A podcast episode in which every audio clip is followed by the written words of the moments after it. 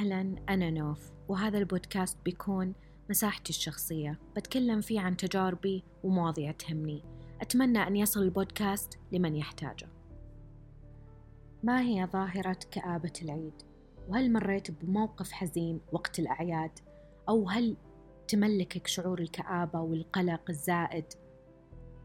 بحكم تجربتي أنا متعلقة بالعيد أيام الطفولة عارفين لما كانوا يكذبون علينا ويقولون بتجي سيارة العيد يلا البسوا ونطلع. بعدها تغيرت نظرتي للأعياد صراحة. للأمانة كنت أدخل بحالة اكتئاب وقت الأعياد. ما أعرف إيش السبب بالضبط بس إنه كنت أحس بضغط يعني من ناحية آه، الحياة الاجتماعية. أنا بشكل عام إنسانة اجتماعية أعتبر بس إن وقت الأعياد ما أعرف. يمكن يصير اوفرلود الحياة الاجتماعية. ماني عارفة صراحة تفسير هذه الظاهرة بس ما طلعت أنا لحالي والحمد لله ارتحت كذا. لما عرفت إنه في ناس قاعدة تعاني مثلي حبيت إني أتكلم عن هذا الموضوع بما إنه بكرة العيد وما في سيارة العيد بتجي تاخذنا. هذه إن شاء الله بتكون فاتحة لسلسلة جديدة اللي هي عن الصحة النفسية. صراحة يعني مجتمعنا الحمد لله يعني قاعدين يتقبلون موضوع إنه الشخص يمر بحالات نفسية ويعني يطلب المساعدة. للأمانة شفت هذا التغير الواضح يعني في مجتمعنا. بس لا زالت يعني فكرة إنه الموضوع النفسي يعتبر منبوذ نوعا ما.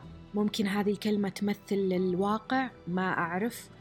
بس بحكم تجاربي وبحكم المواقف اللي أنا عشتها أحس لا زالت آه، الصحة النفسية وإنه طلب المساعدة من طبيب نفسي لا زال محظور عندنا وما حد يتكلم عنه كثير ولا حد يشجع يعني.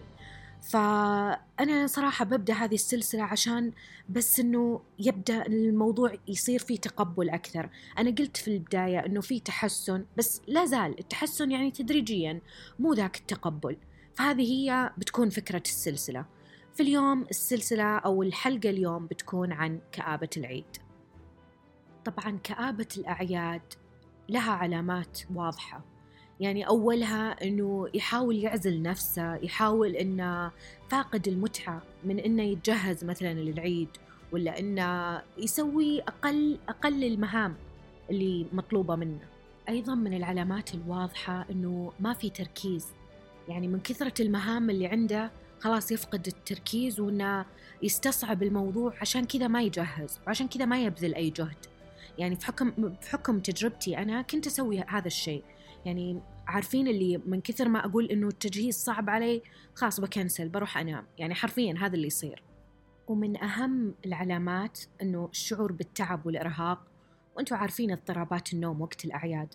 أصلا أول موضوع أو أول سالفة تنقال في العيد ها نمت أمس نمتي آه إلى آخره يعني من عن النوم كلها. ووقت ما يتلخبط النوم يتلخبط الأكل ويتلخبط الوزن. وهذه عاد معضلة أخرى يعني.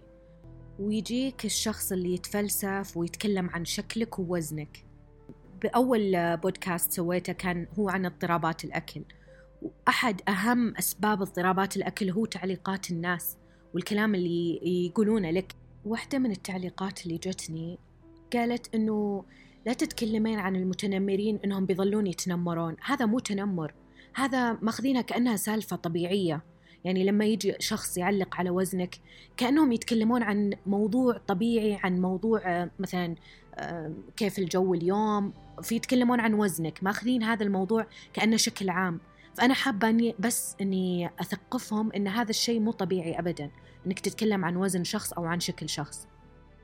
نرجع لموضوعنا اللي هو كآبة العيد. طبعا الأسباب تختلف.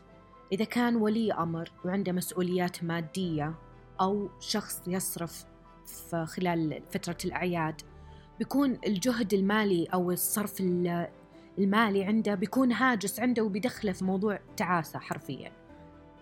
وأيضا الشعور بالوحدة يعني الشعور بالوحدة مو بشرط أنك أنت جالس لحالك. أحيانا حولك مية شخص بس منك حاس بأنك ريليتد لهم أو أنك ما تقدر تكون شخصك الطبيعي ما تحس بالانتماء. فهذه كلها أحاسيس يعني تسبب لك كآبة يعني أنت موجود بين أشخاص كثير بس للأسف تحس أنك وحيد. أيضا من الأسباب اللي ما تخفى علينا جميعا المشاكل العائلية.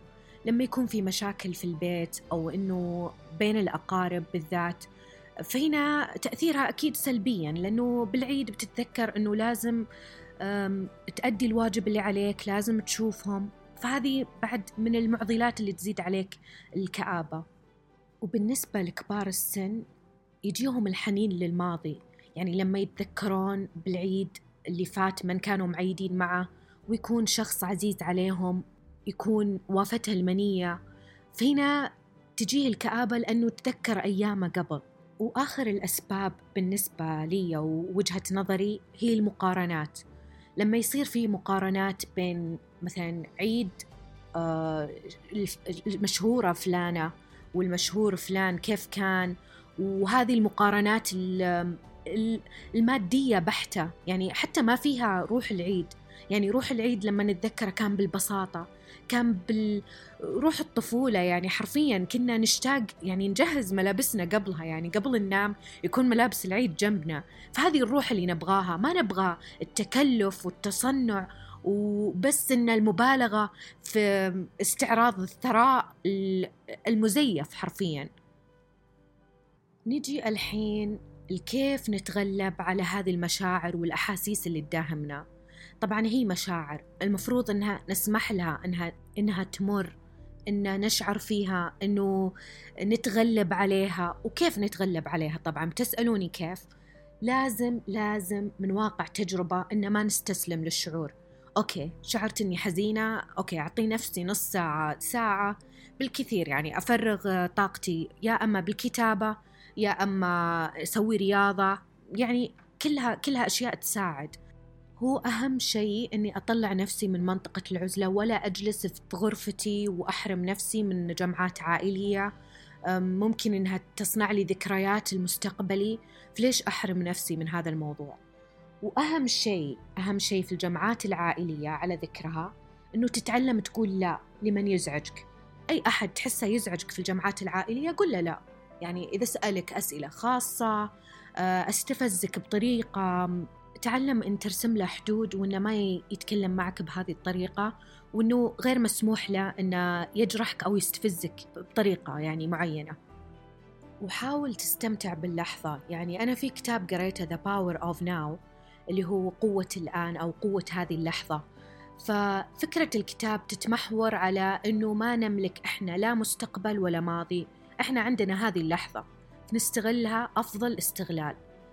نحاول إنها ما تمر هذه اللحظة لحظة عابرة أو إن نحاول نستغلها أفضل استغلال. وما في أفضل من الاستغلال إنه تكون سعيد في هذه اللحظة وتكون مبسوط بإنجازاتك بنفسك.